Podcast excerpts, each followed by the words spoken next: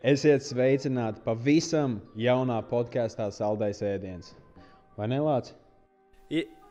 Jā, uh, mēs uh, esam tādu sākuši jaunu pilotu projektu, un tas ir pavisam jauns koncepts ar uh, četriem draugiem. Tātad uh, Rihardu un uh, Ventu arī uh, kopā ar mums ar uh, Kristapu.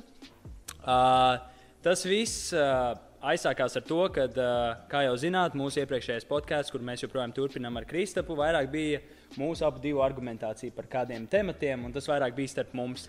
Es, es vispār domāju par šo, ka labāk vienmēr ir, ka vairāk cilvēku, vairāk viedokļu, katram savs viedoklis, un jo vairāk cilvēki domā kaut kā vienlīdzīgi, līdz ar to nostiprinās kaut kāda noteikti pieņēmumi, un varbūt arī kaut kāda patiesība beigās tiek izspriesta, ja vairāk cilvēki ir un viņi izsaka savu viedokli. Un būs ļoti interesanti, jo es ļoti labi zinu, ka mums viedokļi ļoti, ļoti atšķirās. Tāpēc es domāju, ka visa podkāstu procesa garumā būs diezgan interesanti. Pilnībā piekrītu. Bija ļoti smieklīgi arī, kā mēs izvēlējāmies nosaukumu podkāstam. Tas nebija vienkārši un īstenībā, man liekas, viena no grūtākajām fāzēm pirms šī visa sākuma. Un tas arī bija tāpēc, ka viedokļi atšķirās, uzskati atšķirās. Visa tā domāšana, nu tad varbūt uh, Rihards, tu vari pastāstīt, kā mēs arī nonācām pie tā saldā ēdiena. Uh, process bija diezgan uh, sarežģīts. Bija demokrātisks vēlēšanas, taču mēs Tā kā mēs esam draugi jau kopš basketbola laika, jo mēs kopā spēlējam basketbolu, mums ļoti tuvs bija saldais ēdiens, jo treneris vienmēr teica, ka tagad būs saldais ēdiens. Tas, tas posms bija pats labākais visa treniņa laikā. Tieši tā kā basketbols mums vieno, tad arī cerams, ka šis, pod, šis podkāsts arī būs kā saldais ēdiens jums, klausītājiem. Jo nu, es, es ļoti, ļoti ceru, ka būs interesanti. Super! Um, um, šis ir dīvaini nepieredzējis. Zinu, kā visu laiku esmu pieredzējis skatīties tikai uz vienu pusi. Taču tagad man visu laiku ir jāstāsta pa kreisi, pa labi, un tad es nevaru saprast, kur, kurš teiks kaut ko, un man ir arī jādod tā vārda brīvība. Negribās laiku kādu pārtraukt, lai būtu tāds pieklājīgs podkāsts, un arī klausītājiem būtu vieglāk uh, saprast. Bet, nu, labi, es domāju, Uh, pietiks par šo, un varam pievērsties arī pie mūsu temata. Šodien tātad, uh, mūsu temats ir uh, uh, vērtību uh, izmaiņas jauniešu vidū, uh, kas, es domāju, ir diezgan aktuāls temats uh, ne tikai starp mums, bet arī uh, vispār globāli. Un, uh, jā, tas viss uh, man pēdējā laikā aizsākās ar to, kāpēc es arī par to esmu aizdomājies. Jo es pats jūtu, ka man uh, kaut kādas vērtības atšķirās no citiem jauniešiem, kas ir jaunāka vecuma nekā es. Uh, man likās, ka um, es, man, man būs tās vērtības atšķirīgas, taču īsnībā tā nebija. Un uh, caur paudzēm ejot, uh, tad es vairāk laikam piedaru pie tās vecās paudzes nekā tās jaunās, kas tagad ir ar visu tehnoloģiju saistītas. Un, un, un, un, uh, nu, es nevaru teikt, ka tu pieder pie vecās paudzes, jo vecā paudze man šķiet, ka ir tie, kas tieši kā, ļoti nos no visām tehnoloģijām. Es domāju, ka tu esi diezgan avansēts tajā tehnoloģijā ziņā, sociālajie tīkli, visas tie Snapchat, vispārējais tā no reklāmas. Bet es domāju, nu, tu nevari sev pieskatīt pie uh, tā slāņa, jo tu esi diezgan avansēts, ja mēs salīdzinām. Nu, kopā bija, ja nemaldos, tādas izteikts četras paudzes. Venta, fakti. Venta. Jā, tā tad. Uh ir četras paudzes, X, Y, Z un alfa. Um, X un Y ir um, no 80. gadiem līdz 90. gada vidum. Tad arī ir uh, Z un alfa, kas ir no 90. gada vidus uh, līdz uh, šim brīdim. Uh, atšķirības ir vairāk tas, ka uh, Z un y, X un Y ir uh, vairāk tādi, uh, vairāk sniedzās uz mērķiem, uh, ļoti ne, nevar teikt ļoti introverti, bet uh, viņi ir vairāk sevi un mēģina sevi uh, izpaust dzīvē. Ļoti daudz strādā, bet uh, Z un Alfa tur parādās uh, digitālā pasaule. Um, protams, vairs nav tik introverti, tāpēc uh, sociālai tīkli uzreiz visi arī mēģina sarunāties ar citiem cilvēkiem. Uh, citu no pasaulē, piemēram, no vienas vienā valsts run, valstī runā kāds uh, ar pilnībā pasaulē. Otrā pusē cilvēka.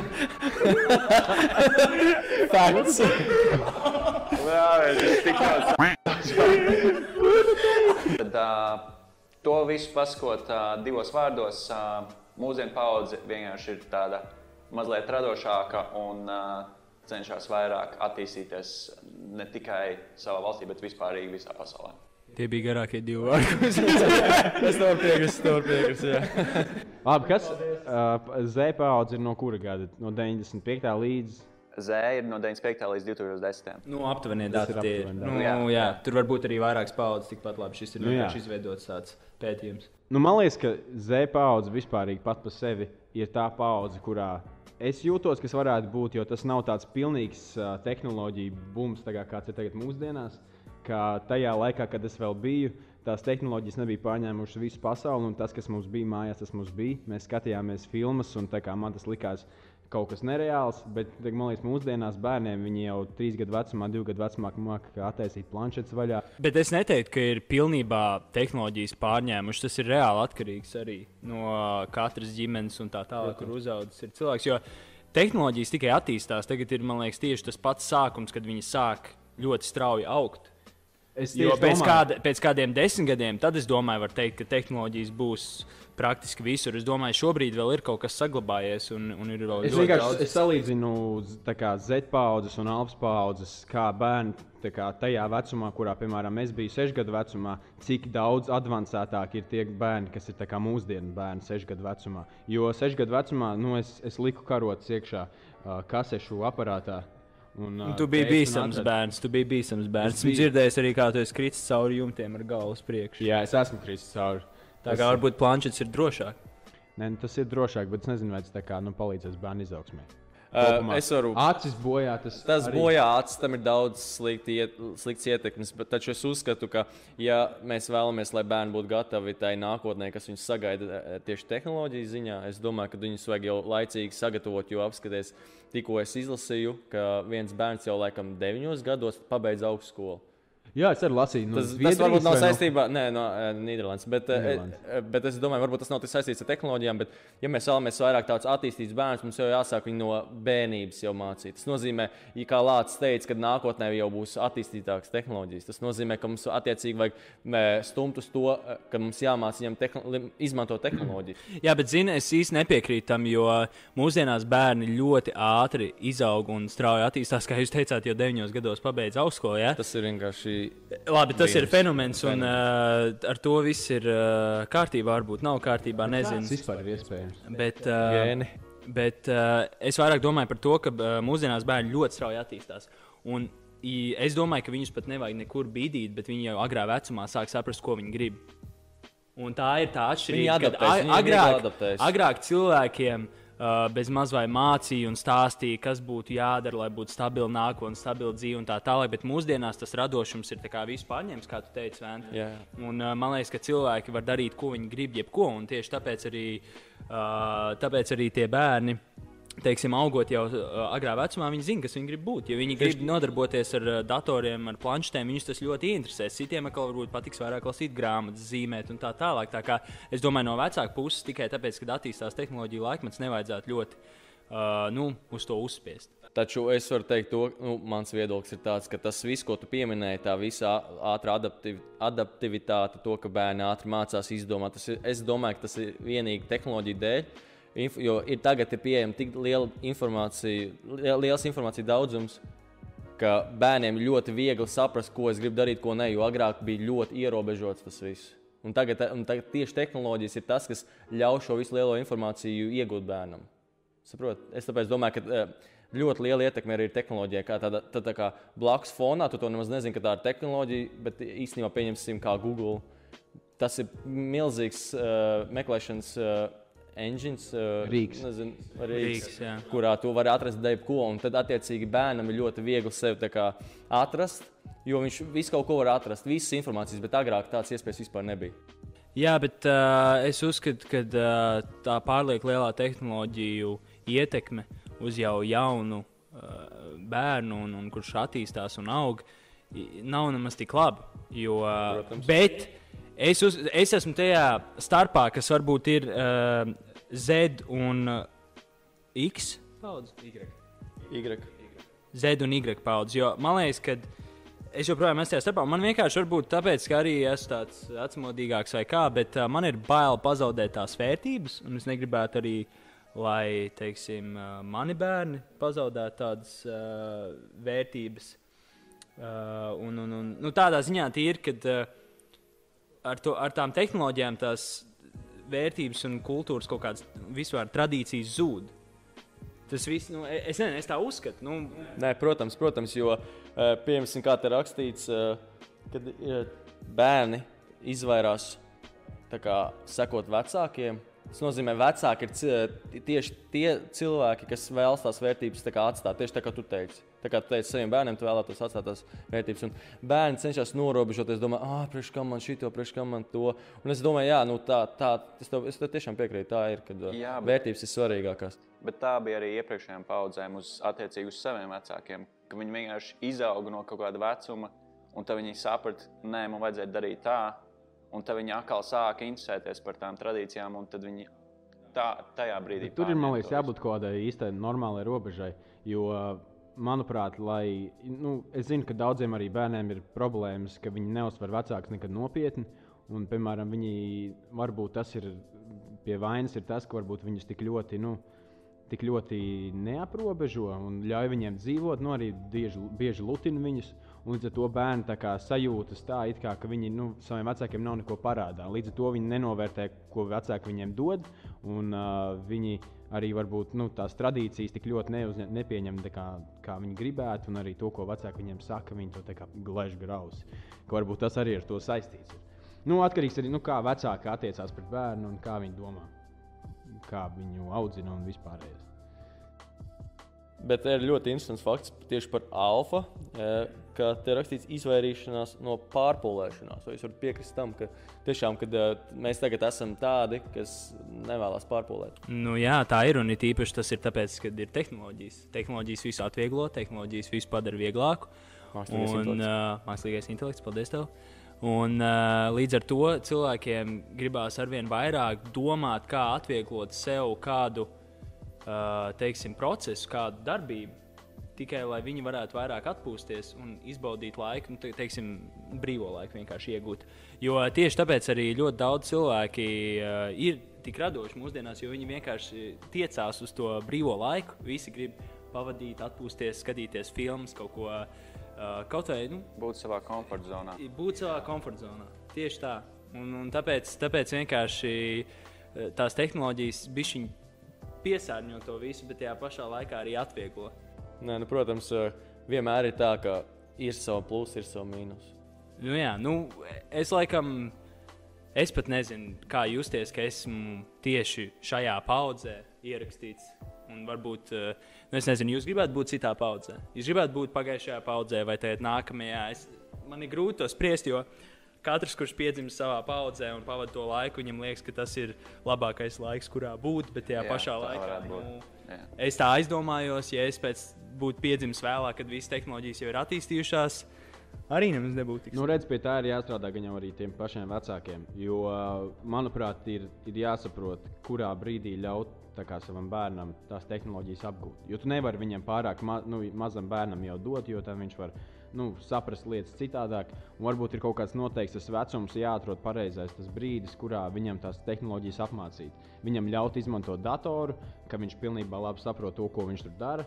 Jo nu, es šaubos, vai četrgadīgam puisim viņš varēs saprast, ko izdarīt. Viņš varēs, iet, nu, viņi varēs ieslēgt kaut kādas inbox spēlītes, vai es nezinu, ko tur varēs izdarīt tajā datorā, un ar to, tā arī viņš dzīvos. Tāpēc es domāju, ka uh, bērnam svarīgi ir ieaudzināt tās tehnoloģijas, un noteikti viņas palīdzēs nākotnē viņam, bet tas ir jādara tādā vecumā, kad tas bērns ir jau salīdzinoši nobriedzis un vispārīgi, lai viņš būtu gatavs tam. Nu, tam liel, lielajai pasaulē, kas tomēr slēpjas tajās tehnoloģijās. Jā, bet teiksim, kā to noteikt? Tas ir ļoti sarežģīti. Atkarīgs no bērna. Tev ir Nu, jāsaprot, jā. kā vecākam. jo, Nē, nu, protams, bet es saku, piemēram, jau 9 gados universitāti pabeigtu. Uh, tas ir Nu, redz, nu, ļoti, ir tā ļoti lieta, nu, bet Nē, tas nu, nenozīmē- es saprotu, bet es vienkārši nu, tā Viens no miljarda. Nu, varbūt vēlāk tiešām bērniem pieņemsim, viņi, viņiem vidusskola būs jābeidz jau nevis 18, 19 gados, kā mums tagad, bet viņiem būs jābeidz vidusskola kaut kādos 15 gados. Tāpēc, ka viņi vienkārši būs attīstītāki un jau uz augstskolu būs 16 gados Protams, normāli jāiestājas. protams. Nē, nu- Es domāju, ka tā arī būs. Jā, bet ko mēs varam izdarīt? Mēs visi attīstās, mēs to nevaram vienkārši paņemt kā ar nāzi nogriezt. Visi neattīstāmies, esam tā kā bijām agrāk. Un... Jo Mums vi- vienkārši jāļaujas plūsmai, es domāju. Nu, mēs nevaram neko ietekmēt, jo, pasties, ja nebūtu tehnoloģijas, mēs nevarētu ierakstīt šo podkāstu. Es tā uzskatu. Tā, tā kā tehnoloģija ir labas puses, bet, ja tehnoloģijas pārāk daudz, tas, tas ir ļoti slikti. Un jāmāk redzēt robežas. Tas ir pats galvenais. Ja tu neredz robežas, tad nu, jebkas ir slikts, jebkam ir kaut kāds slikts iespējas. Tur ir tā lieta, un es arī domāju, ka tur ir ļoti liela arī nu, tāda svarīga loma ir tajā pūļa iespējā. Jo bērni vairāk ies uz bērnu dārzu, un viņi redzēs citus, ci- citus bērnus, pieņemsim, ar telefoniem, jau viņiem arī gribēsies. Un viņiem līdz ar to tas viss ieiesies viņos iekšā, un viņiem arī viņi teiks vecākiem, māma, es gribu telefonu, tēti, es gribu planšetu, kaut ko tādu. Man tur bērnu biedram ir, un, un tā beigās tas viss arī aiziet, un tā tie bērni iespaidos no citiem. Jā, tā ir reāla taisība. Man bērngārzā bija tāds uh, puisis, Datiko no Grūzijas. Viņš bija. Uh, Izklausās pēc kaut kādas IT uzņēmuma firmas. Diezgan ļoti. Tātiko. Labi, labi, tā spēcīga. Uh, un uh, Datiko bija Gameboys. Un uh, viņš tajā Gameboyā spēlēja Spider-Man spēlītes. Un uh, visi puiši pilnībā starpbrīžos gāja skatīties, kā viņš spēlē tās Jā, spēles. tas bija Viņam bija, viņam bija ļoti, ļoti bagāti vecāki, un praktiski vienīgiem, kam bija, un visi gribēja būt ar viņu draugu un tā tālāk. Un es kādus sešus Ziemassvētkus pēc kārtas vecākiem jautāju Gameboy. Es nekad gan nedabūju Gameboy, bet man liekas, no tā brīža es sapratu, ka dziļi sirdī mans tāds mazais hobijs būs spēlēt video spēles. Un varbūt šī ir Datiko vaina. Es domāju, ka tā noteikti, tā noteikti nav tava vaina, ja tu šo skaties. Es domāju, tiešām tas nav. Sorry, Datiko. Jā. Bet uh, es, es, es nezinu, man arī bija viena brīdī tāds sajūta, ka man vajag tā saucamo PSP. Atcerieties, kas ir PSP. Ujē! Bet pēc laika tu saproti, ka tev to nemaz nevajadzēja. Tev vienkārši tas ārējais iespējas, ka, hei, visiem ir, man arī vajag, bet īsti tev mm, dziļi sirdī tev to vispār nevajag. Tu viņam, nu, tev nav tik liela interese. Tu vienkārši skaties, kā citi iespaidojās, un tu arī gribi to pašu. Un tev tas tā sajūta. Es domāju, ka tieši tas pats bija arī tev. Tu vēlējies tos sešus Ziemassvētkus pēc kārtas tikai tāpēc, ka viņam bija, un uh, visi pievērst tam uzmanību. Tu arī gribēji tā, lai tu būtu tādā uzmanības centrā. Lai tu arī tā kā, tu būtu tajā vienā līmenī. Es tā domāju. Tā ir tā. Kad citi skatās, kā tu spēlē, un tu esi tas, kurš to drīz spēlēt, un pārējie tikai var skatīties. Man brīdī bija arī viņam nozagt. Šito mēs izgriezīsim. Tā kā, ja, ja tu meklē savu game, tas noteikti nav pie viņa. Nē, nu, vai nu Nē, tas- īstenībā man rekrutē.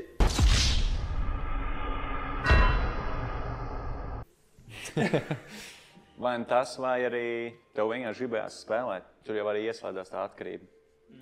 Bet ir tā tieksme eh, šīm te Z un alfa. Man, manuprāt, ir tā tieksme būt eh, tā kā vienlīdzīgam ar visiem. Jo tu nevari būt, pieņemsim, tu domā, viņam ir tas. Kaut kas tāds, kas tev nav, un tev, ah, es arī tādu gribu, bet, un bla, bla, bla, bla, bla, bla.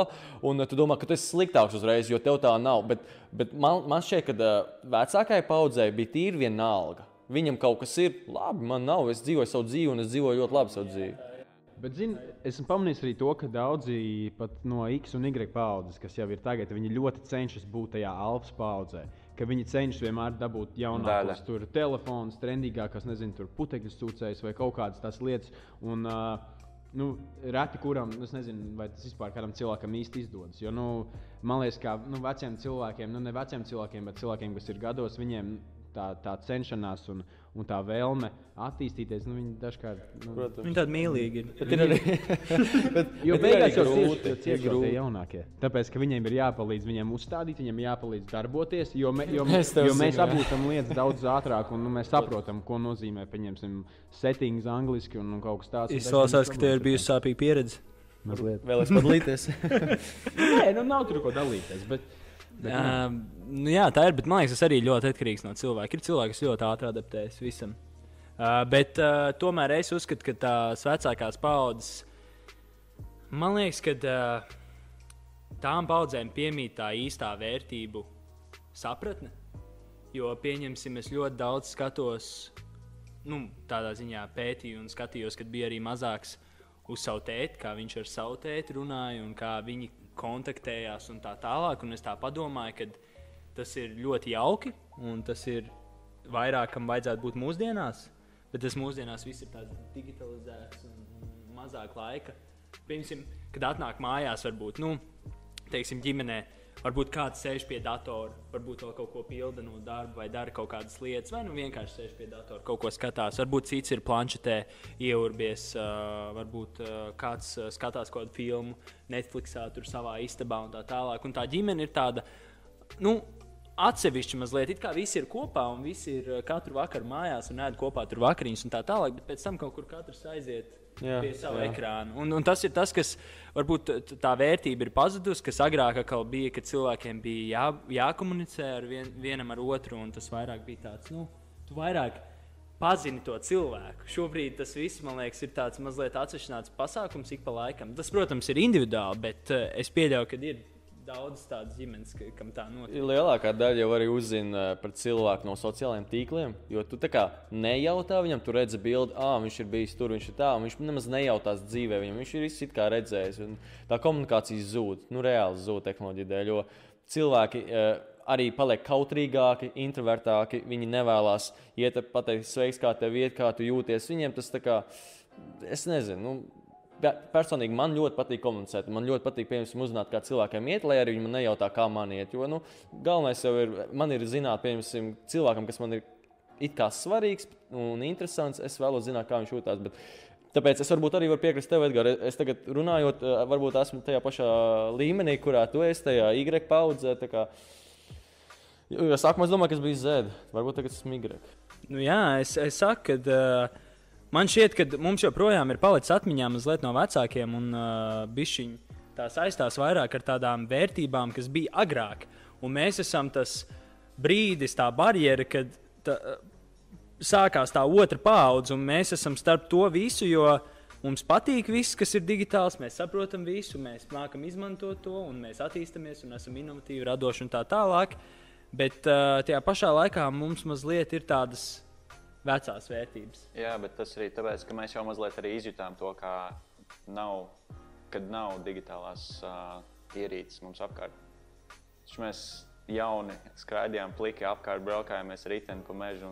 Es nezinu, mēs skraidījām pliki apkārt. Mēs pliki braukājāmies pa mežu. nu, nē, tas ir, nezinu, trīsgadīgs. Vēta bērnība. Īstenībā, jā. Meitenes, tas jums saldēs ēdiens. Bet ko es vēl gribēju pievienot klāt tieši par tām vērtībām?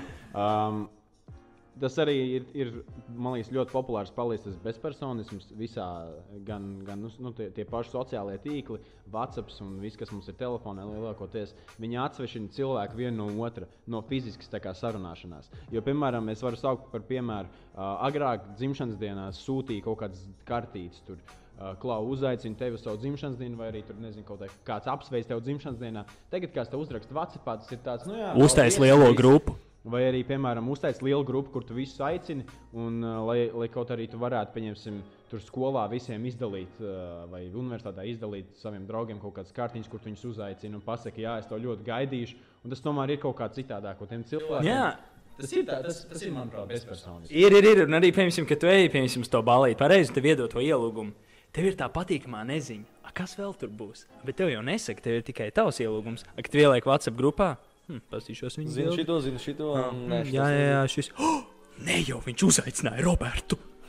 Bezmazliet, nu, jā. jā, jā, jā. jā. Nu, Bet nu, tā ideja tāda, ka uh, agrāk man liekas, tas bija daudz interesantāk. Vispār man, man pietrūkst tā sajūta, ka ir kaut kas, ka tu nezini. Jo mūsdienās tu visus reāli zini. Visu, kas notiek. Sekundžu jautājums vienkārši ieraksti, tev viss parāda, un viss, un tev nav tādu kļūdoņu iekšā. Jā, arī agrāk, piemēram, taču klasē sūtīja zīmītes kaut kādas. Un kas bija tur nu, tā, lai neviens neredz. Jā, jā, jā. Ah, jā, jā un, tu ne, un tu nezini, kas tajā zīmītē ir. Tagad Vācijā tagad Vācijā notifications, jipa Face ID.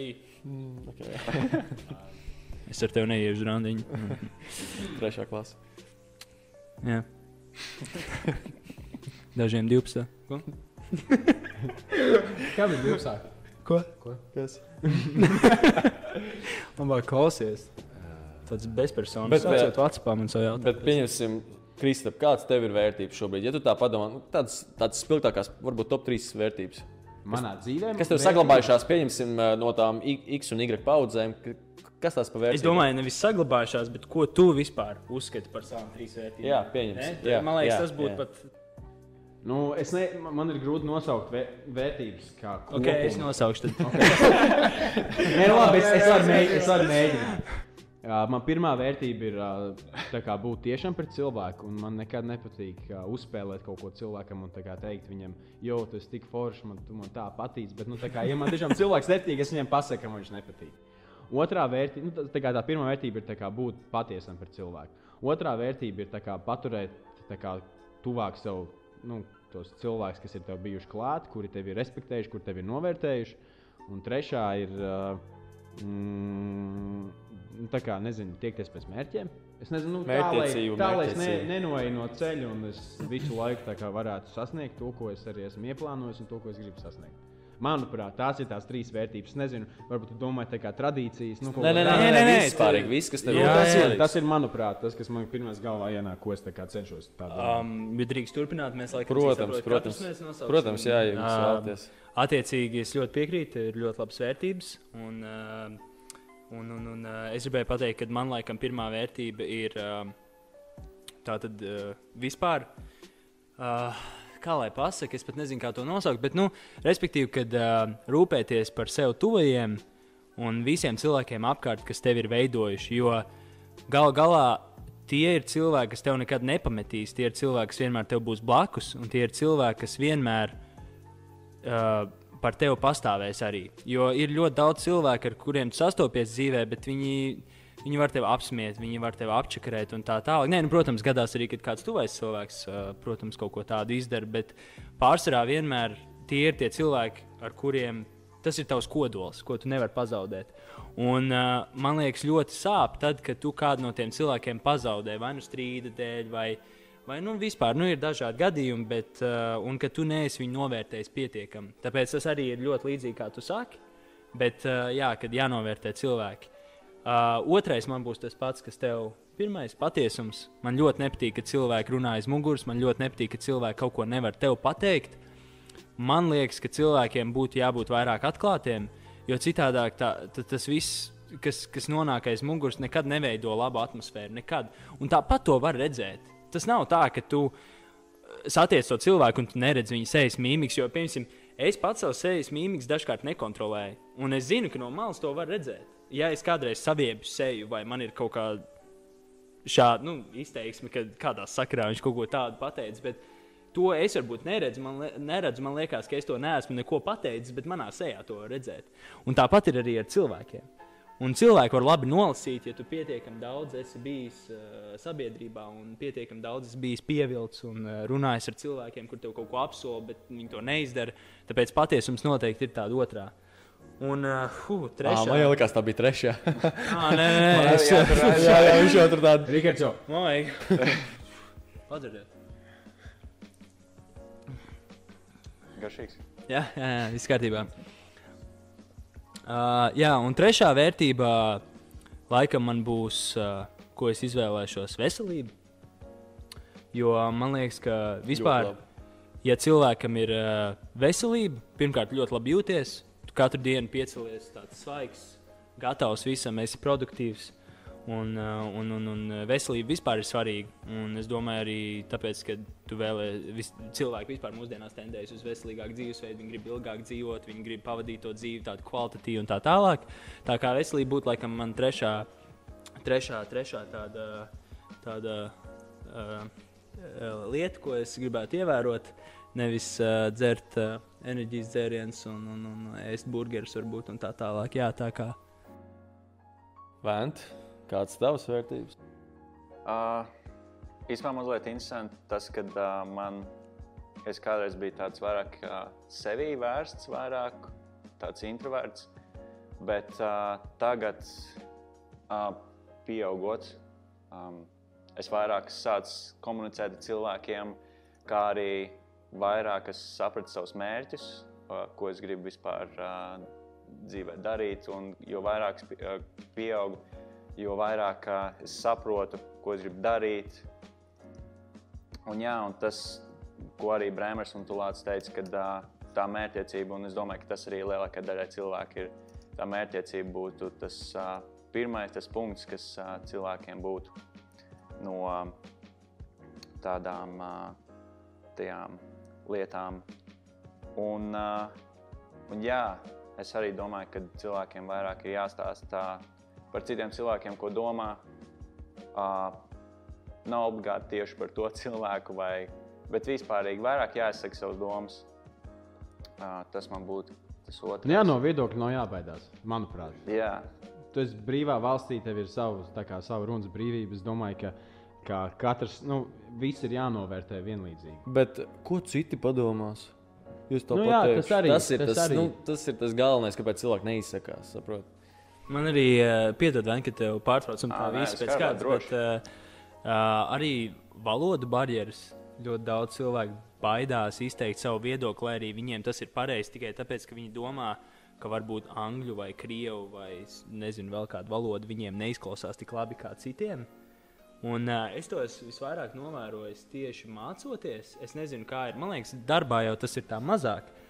Bet es tieši uzskatu, ka tad, kad ir jāiet, jāmācās, tev tieši tajā brīdī ir jādara viss, ko tu vari, lai iemācītos. Nevis jāmēģina sevi turēt iekšēji.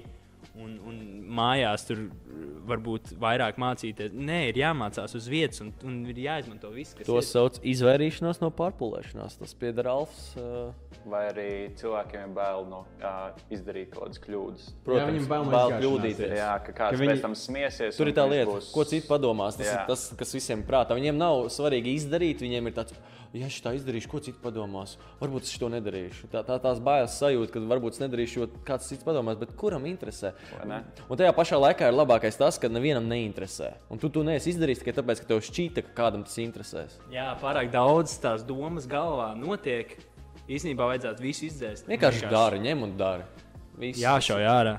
Tieši tā. Un tu domā par sevi. Tu dari Protams. lietas un domā par sevi. Un, uh, jā, tā kā nevajag vienkārši domāt par citiem. Tieši tā. Es negribēju izteikt, vajag jāšauj domāt ārā. par citiem. Bet, nu, Nu, Kā, Nu, atšķirībā kādā līmenī, kāda hierarhija, pieņemsim, ģimene, eh, rādi, domā par citiem, varbūt, jā, bet kaut kādi tur Jānis Pēterīts no trešās ielas, nu, kas viņus vispār tev ir? Tev nekas, nu, pilnīgi sveši cilvēki. Nē, nu jā, bet tāpat tam ir uh, jāpadomā. Tā. Solo.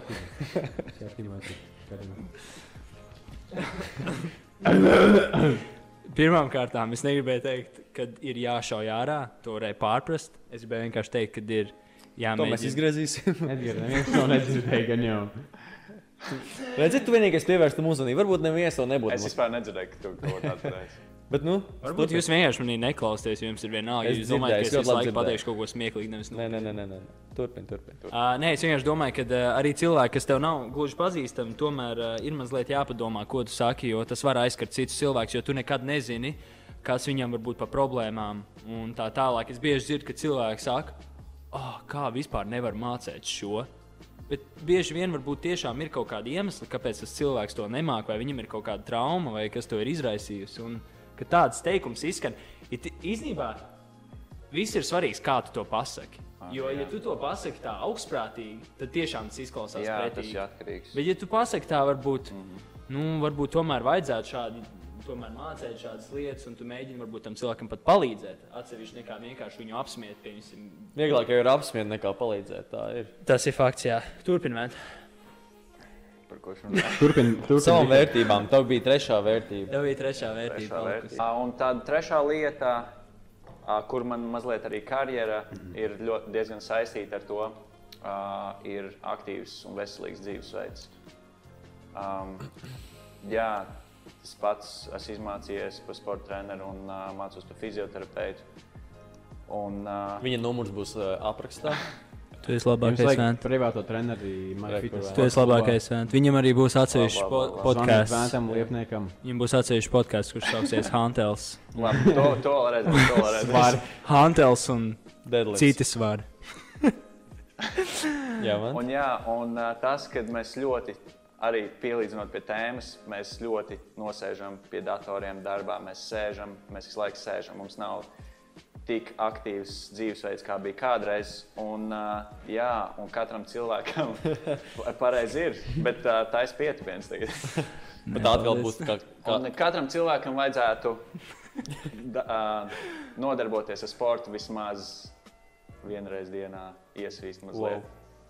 Cik tu ieteiktu, pieņemsim, tagad cilvēks klausās un domā, vai es esmu veselīgs vai es neesmu veselīgs. Cik dienā ilgi tev vajadzētu sportot, vai kopā nedēļā tādā lielā griezumā? Cik vajadzētu sportot, lai tu Nu, būtu? vismaz vienreiz dienā iesvīst vajadzētu. Un Bet iesvīst, nav- tas ir atkarīgs no tevis. Es iesaistīju arī to arī uzvilkt silto ziemas jāku un sēdēt darbā. Un... Tas ir tā, tu vari nepaņemt. ā, izpildīji Tu vētru. vari neiekāpt transporta līdzeklī, braucot uz mājām, tu vari aiziet ar kājām. Vai ar riteni braukt. Bet es citas par šo domāju. Par, ā, par to braukšanu. Piemēram, man no darba ir jāiet pāri gaisa tiltam, kas ir nu, tas VF tilts, kur ir Rīgas attieksme. Un uh, reāli katru reizi pēc darba tur ir sastrēgums. Un es domāju, ok, es izdaru labu darbu, nebraucot ar autobusu, neiet ar kājām, bet tad es saprotu, to, ka Tas cik gāzes. daudz izplūdes gāzes. Ka, ka man ir tāda sajūta, kas ir veselīgāk. Vai tas, kas iekāpja autobusā, pārbrauc pāri tiltam un nu, viņa pastaigāja, vai arī es eju pāri tiltam un uh, smaržoju to. Es domāju, tas ļoti atkarīgs no tās situācijas, kā tu saki. Pieņemsim, tas būtu kaut kāds tilts pāri pļavai. Protams, ņemt labāk tiltu pāri pļavai, nevis nu, Ej apkārt. Bet sabiedriskajā transportā arī pa logu ieplūdīs, nezinu, kaut kur tās gāzes. Tas pats jau. bet tādā kvantumā, es domāju, Nu, labi. Bieži jā. arī sabiedriskajos transportos īstenībā, starp citu, Rīgā, nu labi, es nezinu, gan jau arī citās valstīs. Vi- Visur tā ir, bet ir dažādi ļoti cilvēki, un tā sabiedrība nav patīkama, lai arī transports ir laba lieta un palīdz. Pieņemsim, ja iekāpj. Nu, teiksim, kāds cilvēks, kurš ir varbūt bezpajumtnieks, kurim nav tā iespēja varbūt izmantot dušu. Nē, nu tādā ziņā, ka tas nav patīkami. it kā Tas ir saprotami, bet nav patīkami. un Nav- Cilvēki nav higienas, visi, nav higienas. visi sajiet uz vienu pusi, un viņš viens pats sēž otrā pusē. Jā, bet uh, ir visas tiesības piezvanīt tam, nu, tiem, tam numuram, kas ir, lai tu varētu nu, viņu nosūdzēt. un policija Jā, bet tad tu jutīsies slikti. Tu tikko izmeti vienkārši bezpajumtnieku cilvēku, kuram Jā, Nu, tev ir ziemā augsts ir un grib sasildīt. Nē, nu ziemā, jā, bet nu, vasarā viņi vienkārši sēž un brauc turp. Nē, nu. Jā. Labi, viņi dažreiz arī aizmieg. Man šķiet, ka mēs mazliet aizgājām Mēs, bišķi uz citu tēmu. Nē, Man par- šķiet, to nākamreiz mēs runāsim par bezpilniekiem transportos. Nē, Lācis būs, Edgars būs tieši tas, kas vadīs šo sarunu. Jā, nē, es atvainojos. Nebija tā domāts vienkārši, nu, ka tad jau var par visu tā kā domāt, kāda tur plusi mīnus. Protams, tā protams, tālāk, protams. Nu, kā, eh, diemžēl, nu, kā ir, tā ir. Gan jau ar laiku uzlabosies arī tās izplūdes gāzes, samazināsies, būs vairāk. Rīga būs zaļa, būs tikai velo. Būs arī elektriskās mašīnas. Cerams. Un tas viss attīstās. Tā kā tas viss attīstās. Labi, un uh, Rihards, laikam, nenosauc tās savas trīs vērtības. Es domāju, ka jūs nosaucat principā tās svarīgākās. Ah, nu labi, tad es varu, mēs varam es, es varu piekrist, ka veselība ir ļoti svarīga. Es varu piekrist, ka ģimene, tuvie cilvēki ir ļoti svarīgi, kurus tu nedrīksti tā kā, pret viņiem izturēties ļoti neadekvāti. Un ļoti svarīgi arī ir būt uh, patiesam un kā, ra, radīt cieņu kā, pret citiem. Ir ļoti svarīgi cieņa, jo mēs, mums zūd cieņa pret citiem. To esmu pamanījis. Pieņemsim, uh, mums ir uh, kādas lekcijas, ir cilvēki, kas vienkārši runā. Bet lektors tajā pašā laikā cenšas darīt savu darbu, un viņam tas nenormāli traucē. Bet viņi turpina runāt. Viņš lūdzu, lūdzu, varat beigt vai nu iziet ārā. Un tā ļoti mierīgi un Jā, zolīdi. Zolīdi, un, bet viņi turpina. Un es nezinu, nu, mums ir zudusi cieņa visādos mēros. Piemēram, mēs sievietes nelaižam pa priekšu bērnus, un ne, ne, nu, mums nav cieņas. Es to esmu pamanījis, un es domāju, ka tas ļoti svarīgi šo vērtību noturēt līdz galam, ka mums vajag cienīt arī citus, ne tikai es savu. pamanīju, kāds vecums tas ir. Es domāju, arī mūsu vecumu pieņemsim. Tā kā es teicu, man lekcijās, nu, jā, viņiem runā. man eh, cilvēki, kas ir mūsu vecuma cilvēki, viņi neciena pasniedzēju. Nu, Es, es domāju, ka tas ir labi. Varbūt tu nemaksā par universitāti, es saprotu, bet tu traucē citiem. Saprot? Nu, Tā, tā ir cieņa gan arī pret pārējiem. Nu, jā, kaut kā tā.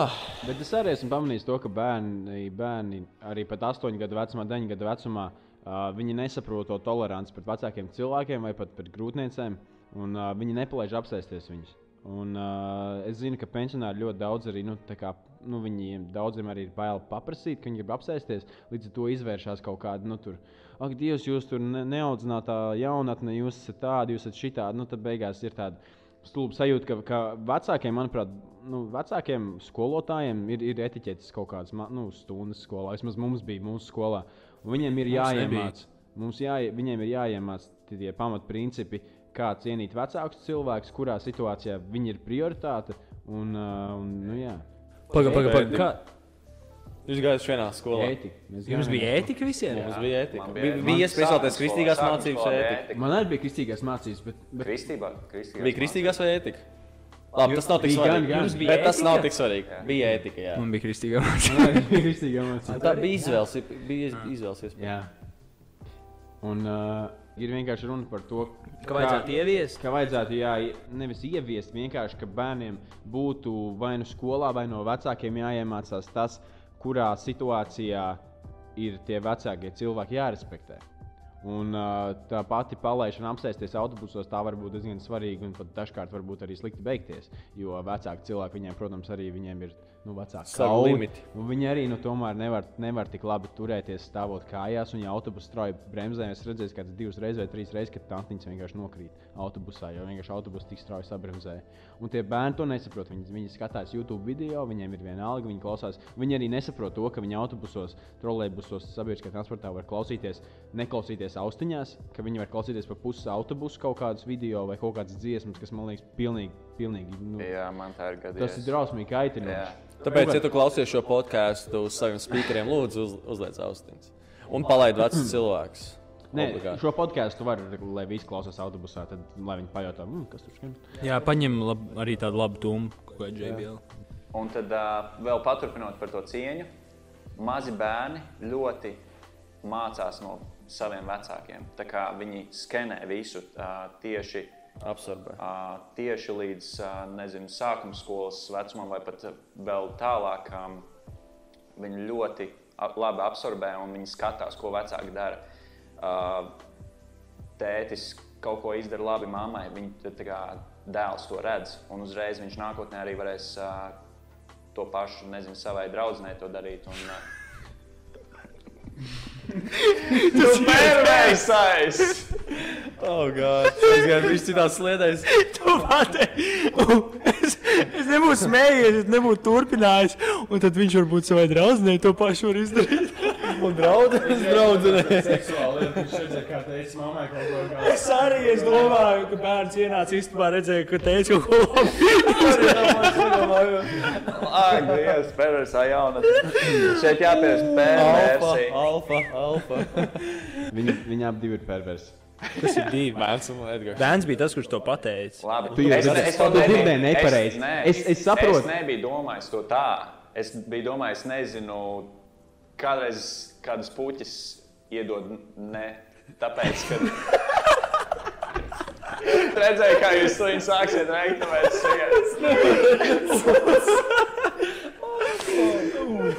Puķis iedod.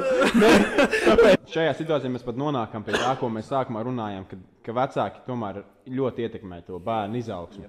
Un, ja, ja, vec, ja, ja bērns būs redzējis, ka vecāks rīkojas tā, tad viņš arī viņu nākotnē rīkosies tā. Līdz ar to tur arī veidojas tā sliktā ietekme no vecākiem. Un tas, kā bērni var tomēr būt apsēsti ar to, ko vecāki dara, un tu pareizi saki, viņi absorbē ļoti daudz lietas, un tas var izvērties ļoti slikti. Un tāpēc arī vecākam ir jākontrolē, ko tu kā tu rīkojies. Jāfiltrē. bērnam. Nē, nu, ne jau Jāfiltrē, tikai slikti. Tā tas arī nav. Dažkārt tas ir labi. Nē, nu, nē, nē, teiksim, es, es saprotu, jā. Ne, Es, Jo- Vecākiem es- es- jāfiltrē, ko viņi dara, lai, jo viņi, viņiem jāsaprot, ka bērni absorbē visu. tas, ko tu saki, viņi bērnībā var iemācīties Protams. tādus vārdus un, un arī pas, iemācīties. Nē, bet ir ļoti svarīgi arī, lai vecāki ir pietiekami stingri. Jo man liekas, ka mūsdienās bērni ir ļoti tādi, tādi vaļīgi. Nu, kad Nu, jā. tas, ko viņi, ka, tas, ko viņi kā vēlas, to viņi darīs. Un, ve- un vecāki ir palikuši mazliet tādi maigāki. Ļoti lutina bērnus. Viņiem ļauj kaut ko pateikt, negrib pārāk daudz viņus aizskart un tā tālāk. Un, bet bērnam ir jāiemācās tas, Disciplīna. E, es uzskatu, jā, un es uzskatu, ka bērnam ir jāiemācās tas, ka ir jāmāk, ka viņš saņem to nē. Jo, ja viņš nezinās, kā ir tas nē, kā ir būt atraidītam, kā ir kaut ko, tad, tad vēlāk dzīvē, kad pieaugs, viņš, kad viņam būs kaut kāda situācija, kur viņam pasaka nē. Tad Viņš nezinās, ko darīt, jo nebūs visu laiku teica, jā, jā, jā. mā- Māma visu laiku visu ļāva. Tur tētis arī neko neteica pretī un tā tālāk. Un, un kā es varu, un tā kā tie ir mani vecāki, un zinu, kā man vecāks ļoti respektē, un tā kā tu saki, un visu. Tas ir reāli, un, un es domāju, bet tajā pašā laikā, tajā pašā laikā šis ir pretarguments tam, kad kā tas ir, uh, piemēram, ir valstis, tā, tā pati Austrālija, kur uh, bērniem pat pēdējai vietai kaut kādās sacensībās dod medaļas. Un tad relatīvi pirmā vieta ar pēdējo vietu ir bez mazai vienāda. Un ko tas iemāca? Nu, reāli pirmai vietai varbūt ir mazliet nesaprotami, vai viņiem tas ļoti daudz to nenozīmē, bet tomēr viņi apzinās, ka ir pirmajā vietā.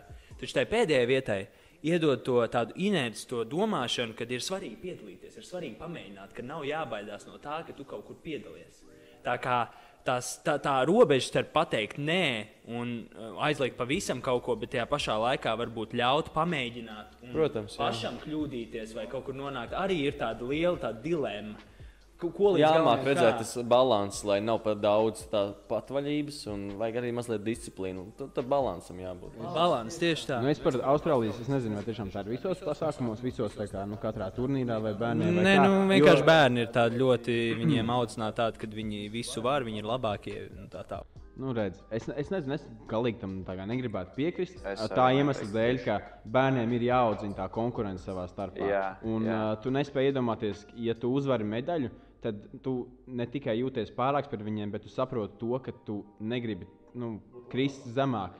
Un tu, ne, tu gribi noturēt to savu augšgalu. Un, manuprāt, tas uh, bērniem ir svarīgi, lai viņi arī saprastu, saprotu, kā notiek tā konkurence, kā viņiem ir jācīnās par to, lai viņi arī sasniegtu vairāk. Un es nezinu, nezinu vēl lielāku prieku kā zelta medaļa, jebkurā turnīrā, kur es biju. Nē, nu šajā gadījumā es vienkārši pateicu pretargumentu, bet es arī nepiekrītu tam. Man arī liekas, ka, ja pēdējā vieta dabū medaļu, pirmā vieta dabū medaļu, kāda no tā jēga? Kāda vispār tad medaļām ir Jā, jēga? kāda jēga no sacensībām tev vispār? Teorētiski, jā, tas jau nav sacensības. Tad tā ir vienkārši piedalīšanās kaut kādā konkursā, vienkārši, un tad ir kāds darbs, kurš ir labāks, kāds darbs, kurš sliktāks. Bet nav īsti. Jo man liekas, ka arī tas, ja ir tā konkurence un ir tas, ka kāds tev pasaka, nē, pieņemsim, tu šim bez maz vai nedēļ, nu, ja viņš ir pēdējā vietā, tad tas palīdz tam cilvēkam saprast, ko viņš īstenībā var un ko viņš nevar. Jo katram cilvēkam ir kaut kas īpašs. Un, ja tu visur piedalīsies, visur tev būs Medaļas. tu domāsi, wow, esmu dievs, es varu visu, tā kā, un tagad es izvēlēšos. Bet katram cilvēkam ir kaut kas īpašs, kurā viņš būs tajā pirmajā vietā. Un tā ir. Un, ja tu pieņemsim, nē, es tur labs sportā vai kaut kur citur, varbūt tu esi ļoti gudrs, vai tu esi ļoti māksliniecisks, vai nu, es, es, Vai es abi nezinu. kopā? Tas atkal apgāž tas, to visu, ko es tikko pateicu. bet, uh, nē, nu, tā ide- jā, ir cilvēki, kas ir daudzpusīgāki, ir cilvēki, kas ir vienpusīgāki. Bet tā ideja tāda, ka katram cilvēkam ir jācenšas jau agrā vecumā kā saprast savējo vietu šajā pasaulē, lai daudz vieglāk viņam būtu veidot to karjeru un vispār šajā pasaulē justies laimīgam. Jo, kā jau zinām, mēs negribam būt tajā pozīcijā, ot, kad mēs tagad sēžam kaut kur darbā, oficiālā, un mēs saprotam, ka es negribu šo rutīnu. Es gribu kaut ko, ko es gribu darīt. Es gribu kaut ko, kas man aizrauja, vai es gribu būt kaut kādā segmentā, kaut ko, kas man ir saistošs ar dzīvi, ko es iepriekš kaut kādā bērnībā biju darbojies. Vai... Un īstenībā dzīve ir ļoti saistoša ar visu, kas jau sākās agrā bērnībā.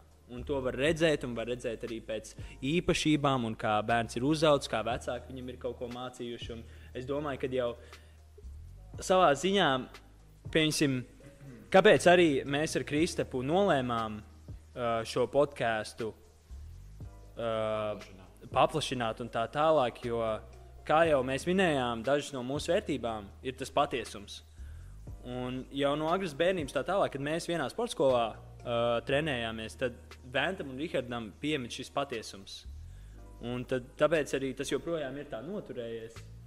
Un līdz ar to, jā.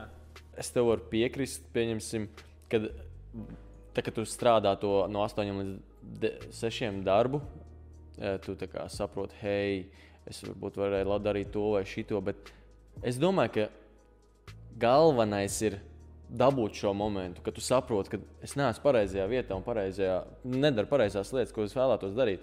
Jo, ja tu visu dzīvi nodzīvo tā, ka tu nekad neesi aizdomājies par to, ka es varēju darīt to, bet es daru to piespiedu kārtā kaut ko, ko es šobrīd daru. Es domāju, ka tas ir. Es nesaprotu, ko tu šobrīd darīji. Bet... Tas, ko es gribu teikt, ir galvenais. Es, ne, es tev piekrītu tam, ka vajag cilvēkam darīt to, ko tu vēlēsies. Un galvenais ir būt laimīgam, nevis vienkārši darīt. Tāpēc, Jā, bet tur tā lieta, ka ļoti daudz cilvēki viņi, viņi tieši apzinās, ka viņi nav pareizajā vietā, bet viņiem ir bail mainīt savu pozīciju, jo viņiem ir jāizkāp no tās komforta zonas, kur viņi ir. Viņiem ir jādomā kaut kas cits uzreiz. liela daļa cilvēku to apzinās tikai tajā momentā, kad viņam jau ir ģimene, viņam ir. Pieņemsim, bankas, bankas kredīts, un tad ir par vēlu, jo ir daudz ko riskēt. Tieši tev- tāpēc es saku, ka ir svarīgi saprast un dabūt to neievāģā Jā, bērnībā jā, un nu, jā. uzzināt to savu virzienu. Un, un tā, tāpēc arī mūsdienās tie bērni ir vien kļūst attīstītāki, jo man liekas, tas ir daļai no vecākiem pārgājis, kad no tās rutīnas, smagā darba, citīgās strādāšanas, pakāpenis, pakāpenis cilvēki, kuri bijuši bērni pārto par vecākiem, un tad vēl viņu bērni pārto par vecākiem, viņi saprot, ka viņi grib saviem bērniem iemācīt to spēju būt brīvākiem, laimīgākiem, teiksim, varbūt nekā viņi varēja būt tajā brīdī. Bet tajā pašā laikā vienmēr ir jānovērtē esošais brīdis un moments, kurā tu esi, jo nav jau nemaz tik slikti. Protams. Cilvēki par daudz, man liekas, sūdzās. Viss ir tik šausmīgi slikti, tik šausmīgi vajag pārmaiņas, un kā tikai es būtu nākotnē, un es varētu piedzīvot pagātnē. to, ko jūs, vai, vai tur pagātnē bija tā un tā, un tagad viss tur ir slikti. Bet vajag būt tādam pozitīvākam, jo vairāk pozitīvisms, jo vairāk pašam vieglāk, jo vairāk Es domāju, ka šobrīd ir tāds dinamisks laikmets, un visiem ir iespēja kaut ko atrast sev, piemērot. Es domāju, ka nu, nevajag tur meklēt, šis ir vainīgs, nu, tāpēc es nedaru to, un kāds, kaut kā tam līdzīgi. Vienkārši jāņem, jādara, un nav jādomā, ko citi domās, ja tu šo izdarīsi. Vienkārši jādara tas, kas tev liekas, ka tas ir pareizi. Es tā uzskatu. Jā, tā ir. Tā ir. Jā, bet es jebkurā gadījumā domāju, ka arī šajā gadījumā, pieņemsim, mūsu vecumā, arī nauda spēlē lielu lomu. Kā tu teici, ka, pieņemsim, ja tev ir paņemts kredīts, tu īsti vairs nespēji uh, uzņemties to risku, uh, mainīt, pieņemsim, pilnībā pa 180 grādiem visu, kas tev ir bijis, vai arī Rihards, ko teica, sorry, atvainojos. Um, bet jā, tas ir ļoti svarīgi. Ja tev, ja tev pieņemsim, ir labi apmaksāts darbs, tas ir liels risks, ka tu vari zaudēt vairāk, Bet tu neesi kas tev laimīgs. reāli ir. Tu neesi Tu neesi laimīgs, bet atkal tu domā, nu, ja, tur ir atkal ļoti liels domstarpības. Es šaubos, vai tas arī būs nākotnes, nu, nākotnes cilvēkiem. Es ļoti ceru, ka cilvēkiem tiešām ar laiku viņi, nu, būs daudz apzinīgāki un sapratīs, ko viņi grib darīt pirms tam. Un jau Cik? laicīgi ļoti. Bet tur tā Bet lieta, ka tas tu vari mainīt atkarīgs no brīdī. to. Tas gan jā, bet, bet e, Kaut kā jau mēs. Bet, nu, kā jau mēs, bet tas ir ļoti grūti, tāpēc ka tu vari zaudēt vēl vairāk, un cilvēki nav gatavi zaudēt vēl vairāk un būt vēl zemākā tajā uh, garīgajā līmenī. ka Viņi jau tā ir nu, ne depresijā, bet tādi negatīvi, viss ir slikti, un viņi būs vēl zemāk, un viņi nav gatavi tam. Saprot? Tur Jo ir tā šeit- lieta. Šeit ir, man liekas, arī ļoti liela loma spēlē arī tas, ja, ja tas darbs tev draud veselību, nu, tev rada veselības problēmas. Ja, to, ja tev ir jāstrādā pa nakti, vai, tev ir, vai tu nu, tiešām tu, tev pasliktinās veselība tā iemesla dēļ, tev ir stress liekas, kaut kas tāds ir skaidrs, tad tev ir jā, nu, attiecīgi jādara, lai viss, ko tu vari darīt, lai to mainītu. Bet, ja tev tas darbs ir nu, tikai tev viņš nepatīk, tāpēc ka nu, tas nav īsti tas, ko tu gribi darīt, un tev apkārt viss ir laimīgi, tāpēc ka tu esi finansiāli stabils, var nodrošināt tā kā, sev iztiku, var arī nodrošināt saviem bērniem, draugiem, jebkam citam. Nu, Tie ir tādi normāli dzīvi, labu dzīvi. Tad es domāju, ka darbs var būt tik ļoti tev. Tā darba Atrodi maiņa hobijs, atrodi hobijs kaut dzīves, dzīves lai, nu, tā kā laimi, Nu, laimīgu skatu uz dzīvi. Es piekritīšu gan, gan, jo uh, man liekas, tomēr, ka ļoti daudz cilvēku neuzdrošinās tieši tā iemesla dēļ, jo viņi baidās kaut ko pazaudēt. Un, labi, ir cilvēki, kuri nebaidās pazaudēt, viņi riskē, viņi uzvar. Bet tos gadījumus vienmēr slavē, vienmēr izceļ. Tie, kas zaudē, tie gadījumi tiek aizmirsti, par viņiem daudz nerunā. Tieši tāpēc arī nevajag koncentrēties uz to, teiksim, out of box thinking, ka tagad es darīšu rekur to un kļūšu tur nereāli tur slavens un viss kaut kas tikai tāpēc, ka kāds mans uh, pazīstams tur dzirdēja tur un izdarīja tur tā. Nu, es nezinu, nu, tā doma ir tāda, ka katra, ne, nu, nebūs tā visiem. Ir cilvēki, kuriem paveiksies, ir ne, bet vienkārši Situācijas nevajag- ir dažādas. Jā, Tas- nevajag baidīties, es tā uzskatu. Protams. Bet tajā pašā laikā izvērtēt situāciju. Tā kā tu sāki, ja tiešām visi aspekti ir gandrīz pret to, ka vajag palikt tajā vietā, tad tam ideja tāda, ja, ja viss ir normāli dzīvē, un tā tālāk, tad vēl ir jāskatās, jo bieži vien cilvēkiem ir vienkārši jābūt pacietīgākiem. Cilvēki vienmēr ļoti daudz patērē laiku. Es arī bieži vien domāju, ka, kāpēc man nav šis un šis un šajā vecuma posmā, un es tik pārlieku daudz stresoju, bet tad es saprotu, ka tas ir normāli.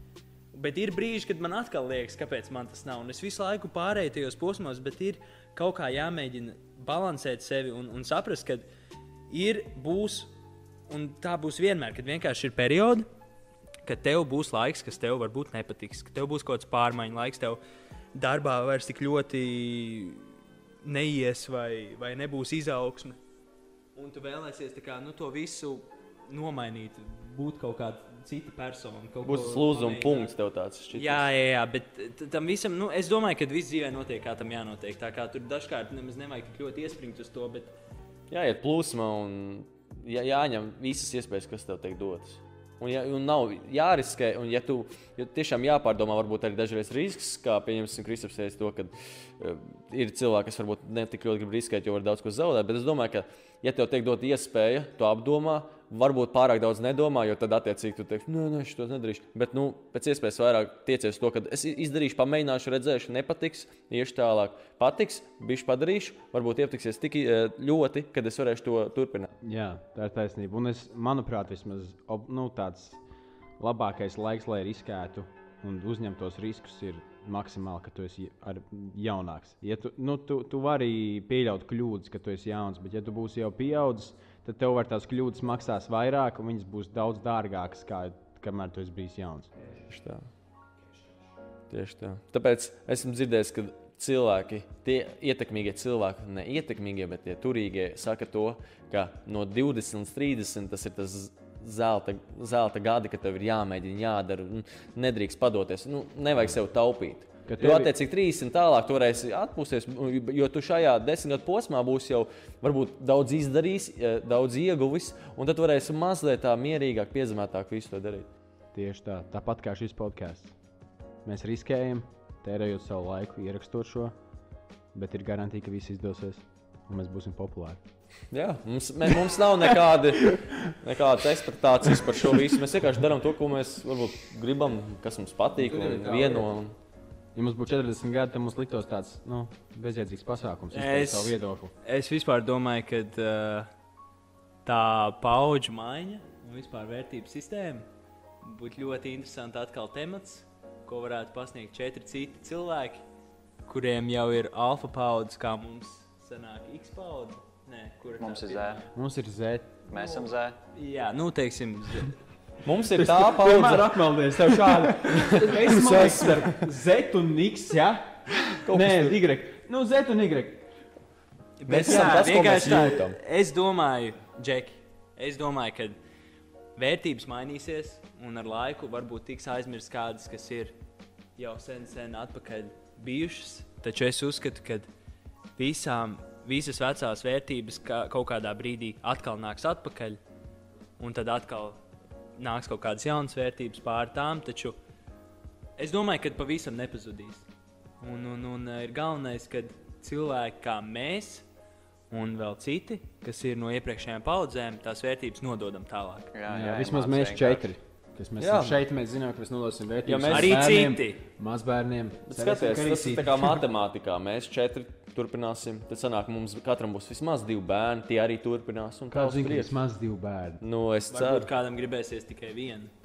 es labi. Tik bērni, cik jūs vēlaties, bet jūs domājat, sapratāt, ka tas viss izplatīsies. Ja vismaz kāds sāks, vajag domāt, nu, es sākšu, nekas, ka citi to nedara, es, es to izdarīšu. Un kaut, kā- kaut kāds impakts būs jau uz visu pasauli. Rīgards būs pirmais. Jūs to dzirdējāt šeit un tagad. Uh, šitos izgriezīšu. bet, nu, jā, bet es domāju, ka vienkārši jādara un nekas nepazudīs. Piekrīt tev, Edgars. Jā, tā kā. Nu, labi, ko? Paldies par klausīšanos. Šis bija tāds, tāds izmēģinājums, tāds pilots podkāsts. Es domāju, ka mēs ar laiku uzlabosim mūsu veidu, kā mēs pasniegsim informāciju, mūsu uh, iekšējo komunikāciju. Es uzskatu, ka mēs mācāmies, mēs visi mācāmies, mēs nebaidāmies no kļūdām. Mēs esam studenti. Jā, un ja, ja pieņemsim, jums kaut kas ļoti nepatīk šajā visā, vai kāda gaisma, vai tas, kā kāds izteicās, droši rakstiet to komentāros. Es domāju, mēs, protams, iz, ja būs tādi komentāri, ja jūs klausāties šo Spotify, ejiet uzreiz uz uh, YouTube, mēs, mēs arī esam tur. Ierakstiet kaut ko komentārā, kā jums patika, ko uzlabot, kas jums nepatīk. Mēs mācīsimies no tā, ko jūs mums teiksiet. Un, jā, varbūt kaut kas, ko jūs varat piebilst. Sekojiet mums! Nu, čau! Es ceru, ka bija garšīgs saldēs ēdiens. Labu apetīti! Atā.